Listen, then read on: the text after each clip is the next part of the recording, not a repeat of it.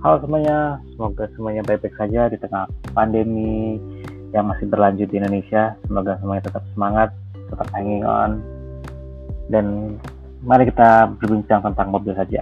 Nah kali ini, di episode kali ini saya berhasil berbincang dengan Bapak Stanley Setia Atmaja, seorang pengusaha sukses dan kolektor mobil terkemuka di Indonesia. Kali ini saya berbincang dengan Pak Stanley tentang Maserati MC20 supercar yang baru saja diluncurkan oleh Maserati. Mobil ini adalah penerus dari MC12 yang sangat legendaris dan saya berbincang dengan Pak Stanley tentang impresinya akan Maserati MC20, tentang uh, pajak mobil mewah yang akan berubah dan apa pendapatnya tentang merek Maserati itu sendiri dan bagaimana menurut beliau tentang transformasi Maserati yang akan beralih ke full listrik di masa depan.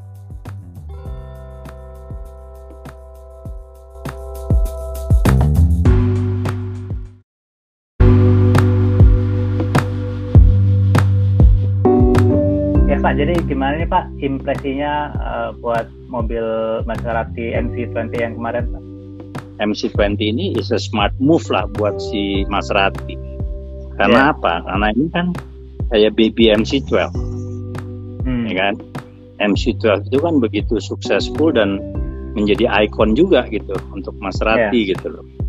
Nah, dia ini mengambil siluetnya tapi untuk non limit production jadi positioning dia juga bagus gitu menurut saya gitu loh karena dan ini benar-benar tidak uh, meninggalkan desain-desain lama dari Maserati yang sebelumnya hmm. apakah Gran Turismo terus ada yang GTMC gitu kan itu yeah. sama sekali nggak ada di sini gitu jadi uh, apa namanya benar-benar sesuatu yang menurut saya positioning Maserati di dalam desain di dalam merek di dalam segmen supercar ini harusnya kali ini cukup berhasil lah menurut saya sih.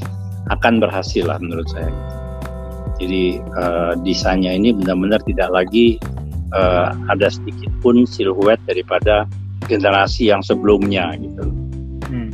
dan benar-benar mengikuti uh, image serta eksklusivitas dari MC12 yang mana uh, menjadi ikon Maserati sampai sekarang kan itu yeah. barang aja sudah dicari itu gitu loh dan apresiasi daripada harganya pun juga udah luar biasa tuh MC12 gitu.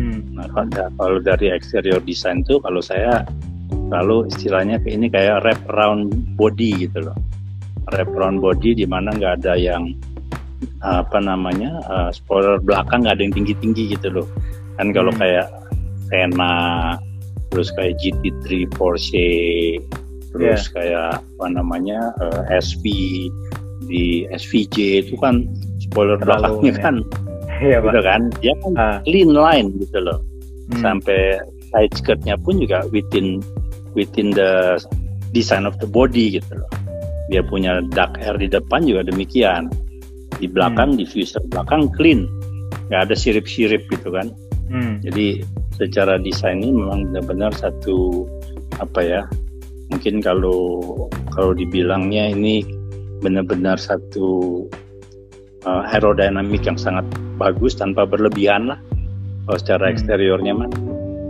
tapi yang paling impresif buat saya itu adalah the image of MC12-nya ke, ke, kental sekali di sini gitu. Hmm. Jadi, Jadi Bapak secara pribadi suka ya Pak uh, MC20? I think I think ya desain ini uh, seperti yang saya ngomong tadi bahwa se se dari sejak renderingnya aja saya lihat bahwa ini benar-benar udah menunjukkan the yang tadinya future menjadi current current trend ya. Ini kan cukup futuristik sebenarnya gitu. Kalau kita lihat-lihat dari yang ke depannya itu misalnya Audi uh, Audi e-tron yang baru juga kan semuanya atau uh, i8 yang baru yang akan datang tuh 2023 24 gitu kan semuanya yeah. very clean design body gitu loh. Jadi cara desain saya suka banget. Terus ditambah lagi dengan dia punya butterfly wing eh, window lagi eh door lagi. Door ya kan? Hmm. juga sesuatu yang apa namanya bukan hanya desain tapi juga kan selalu kalau saya lihat uh, kemarin komentarnya isi in isi out gitu kan. Hmm. karena opening window eh, opening doornya itu sangat luas sekali gitu loh hmm. jadi secara eksterior tuh menurut saya uh, mewakili desain now and future lah menurut saya hmm. yang akan jadi tren gitu ya akan yeah. jadi tren gitu ininya jadi buat bapak, buat bapak, bapak lebih lebih senang ke desain yang cleannya ini ya pak dibandingin misalnya uh, mesinnya segala macam. Ya, itu itu itu aspek lain daripada MC20 gitu. Kalau dari hmm. bicara dari desain itu menurut saya komen saya seperti itu. Kalau dilihat dari teknologi ini kan katanya uh, dual combusting ya, yang mengambil teknologi dari F1. Iya, nah, ada three chamber ignition katanya pak iya ini kan juga teknologi yang menurut saya orang-orang yang suka supercar itu akan akan merasakan juga gitu loh bahwa hmm. teknologi F1 ada di mobil ini dan apa namanya men, me, me, me, menyuntik teknologi F1 di desain mobil seperti ini mestinya sangat tepat ya melengkapi kesempurnaan dari semua gitu loh hmm. ininya gitu apa namanya uh, dari konsep uh, supercar sampai uh, teknologi dari supercar juga gitu. Terus ini kan gara-gara mesinnya hanya 3000 cc kan berarti dia punya pajak yang kena pajak yang lebih rendah pak. Nah, hmm. Nah itu kan kata Mas Rati sendiri sih kalau datangnya awal tahun sebelum sebelum perubahan regulasi yang baru itu pak harganya akan hmm. jadi sekitar 9 miliar dengan dengan hmm. paket seperti itu MC20 itu sebenarnya mobil yang menarik nggak Pak untuk para penyuka mobil Pak? Hmm, ya kalau kita compare ya sama-sama supercar, tapi kan juga kita nggak bisa ngelihat hanya apa namanya patokan harga yang wah apa namanya uh, mobil lain lebih mahal gitu. Ferrari kok uh, apa namanya uh, lebih mahal dari ini sampai hari ini. Tapi kan juga kapasitas engine memang berpengaruh. Jadi harus dikompet dengan engine yang 3000 gitu loh. Eh, eh, mobil mana gitu yang engine-nya 3000 yang harganya berapa gitu kalau dikompar dengan Maser dengan Ferrari dengan Lambo itu beda Lamborghini masih mengusung V12 kan yeah. sementara kalau uh, mas, apa namanya Ferrari masih mengusung V8 masih 4000 gitu hmm. loh. Jadi kalau dia 3000 di kelasnya dan dengan harga 9 sih uh, ya dengan komponen teks kita seperti itu harusnya a good price positioning lah ya. Hmm. Tapi sebaliknya juga orang pasti waiting sampai new text berlaku nih, baru. Berlaku ya, Pak. Hmm. iya, pasti ada turun lagi kan. Hmm. Apakah 20 sampai 30 persen lagi? Yeah. Kalau dia turun tes 25 persen aja pun banyak. 25 persen tuh hampir berapa itu? Hampir 2 miliar kan? Hmm. Gitu. Jadi lebih bagus lagi positioning dia. Dan hmm. dengan dengan dengan model range yang ini secara eksklusif harusnya uh, banyak orang yang beralih dan suka dengan MC20 ini dari dari penggemar merek lain ya gitu loh. Karena secara desain satu-satunya menurut saya yang akan kompatibel ya Aston Martin Vanquish nanti.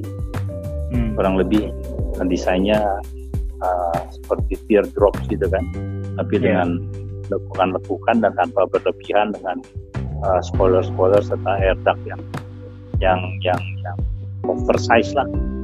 Hmm. Terus kalau ngomongin soal merek Maserati nih Pak, Bapak kan juga suka Maserati dan seingat saya Bapak kan punya Maserati Merak ya Pak? Kalau mm -hmm. salah ada Merak, Bora, ada yang apa namanya? Uh, apa tuh saya punya yang cabriolet Gran Turismo ya cabrio ya Terus kalau buat Bapak merek Maserati tuh uh, seperti apa sih Pak? Hmm, ya mungkin merek ini agak sedikit apa ya istilahnya ya underdog kali ya compare dengan other Italian car gitu. Tapi sebenarnya kan kalau kita lihat dari sisi teknologi dia, dari sisi uh, driving experience, dari sisi performance, mobil ini not bad at all, not bad at all menurut saya. Bahkan kan waktu uh, saya sempat lihat satu video yang dites oleh si Michael Schumacher, dia bilang uh, the engine is very powerful, the transmission even better than Ferrari gitu. Hmm. Jadi memang menurut saya ini mobil get all the qualities lah. Sama sekali bukan mobil-mobil yang yang apa namanya tidak mempunyai uh, tidak mempunyai perbandingan yang jelek di compare dengan supercar atau merek Italian lain gitu. Hmm. Dan itu pun baik di generasi yang lama-lama pun juga uh, terasa sekali bahwa pada saat itu memang Maserati merupakan salah satu merek yang uh, apa namanya uh, mengutamakan performance ya, hmm. ya baik Bora maupun Merak itu pada eranya kalau kita lihat itu performance cukup bagus, gitu. Tapi dengan nilai sentimental ke performance kayak gitu Pak, kan si Maserati ini rencananya tahun depan tuh bertahap semua produk range-nya termasuk yang MC20 ini nanti akan full listrik Pak. Pak Bapak ngeliatnya gimana sih Pak? Dia akan convert ke, ke full listrik seperti itu Pak? Uh, kalau saya personal itu nomor satu kalau listrik itu uh, daya jangkau dulu gitu ya daya jangkau jadi kayak kemarin uh, ada kita di sini kan punya i8 ya kalau lihat i8 itu kan dia antara elect hybrid lah ya. ya. Nah, uh, setelah didalami secara secara spesifikasinya, dia bermesin 3 silinder 1500, ya kan? Kemudian horsepowernya kalau dengan full electric fully charge itu saya lupa kurang lebih 385 kalau tetapi electric uh, engine-nya itu hanya bertahan 60 km. Setelah 60 km dia selesai, pakai engine 3 silinder 1500 dengan horsepower 150. Nah ini kan menjadi handicap buat kita-kita yang uh, senang dengan high performance engine gitu.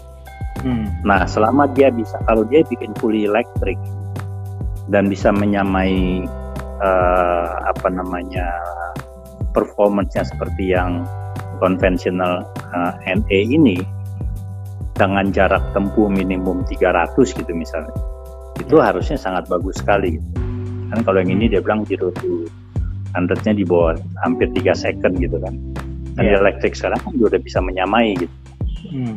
nah, cuman mungkin dalam hal ini excitementnya aja berubah suaranya hmm. coba dia pakai virtual voice engine ya di dalam cabin itu, gitu. Itu nggak nggak akan sama ya pak? Nggak akan sama. Ya biar nah. bagaimana NE engine itu punya ciri dan punya uh, excitement sendiri lah untuk didengerin. Hmm. Tapi menurut saya ke depannya ya electric car di setiap brand udah harus menjadi satu kewajiban untuk mempunyai satu image bahwa mereka mengikuti kemajuan teknologi hmm. Hmm. gitu cuman ya mungkin untuk beberapa negara itu akan menjadi satu satu produk yang ditunggu-tunggu. Nah di kita juga apa uh, harusnya one day juga sama lah ya. Walaupun hmm. sekarang belum gitu kan. Udah baru mau mulai Taycan masuk Tesla kemudian Hyundai juga udah mau masuk dan elektrik. Tapi kan kita belum dengar bahwa apa namanya uh, menjadi bagian daripada uh, populasi market yang cukup signifikan gitu.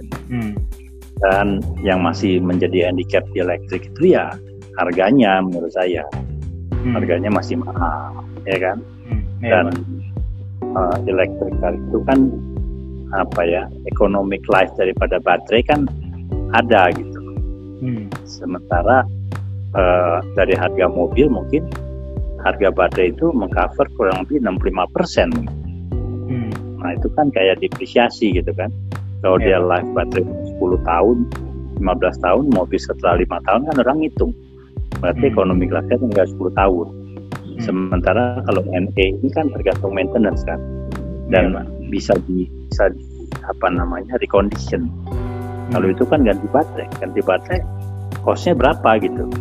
Hmm. Dengan, nah, jadi ya saya nggak ngerti pertimbangan-pertimbangan ini, tapi ke depannya mungkin kalau mereka bisa bisa memberikan satu solusi bahwa uh, baterai itu bisa uh, rechargeable secara lebih panjang atau uh, pada saat penggantian itu dengan dengan konsep apa gitu namanya uh, financing atau apa mungkin bisa aja gitu. Tapi intinya dia punya ekonomi life yang bisa dihitung lah gitu, jelas gitu. Baterai itu kan enggak kalau NE ini kan tergantung perawatan. Iya, Pak. Kalau dirawat dengan baik, mobil kita yang tahun 70 ya hari ini masih berjalan bagus gitu kan hmm. gitu oh, iya. oke pak mungkin itu dulu sih pak terima kasih banyak pak udah sempat sempat ngobrol nanti mungkin okay. bisa ngobrol lagi pak buat topik yang lain sure, sure, sure. anytime ya terima, terima kasih banyak ya pak yeah. ya, thank you pak. thank you pak. ya thank you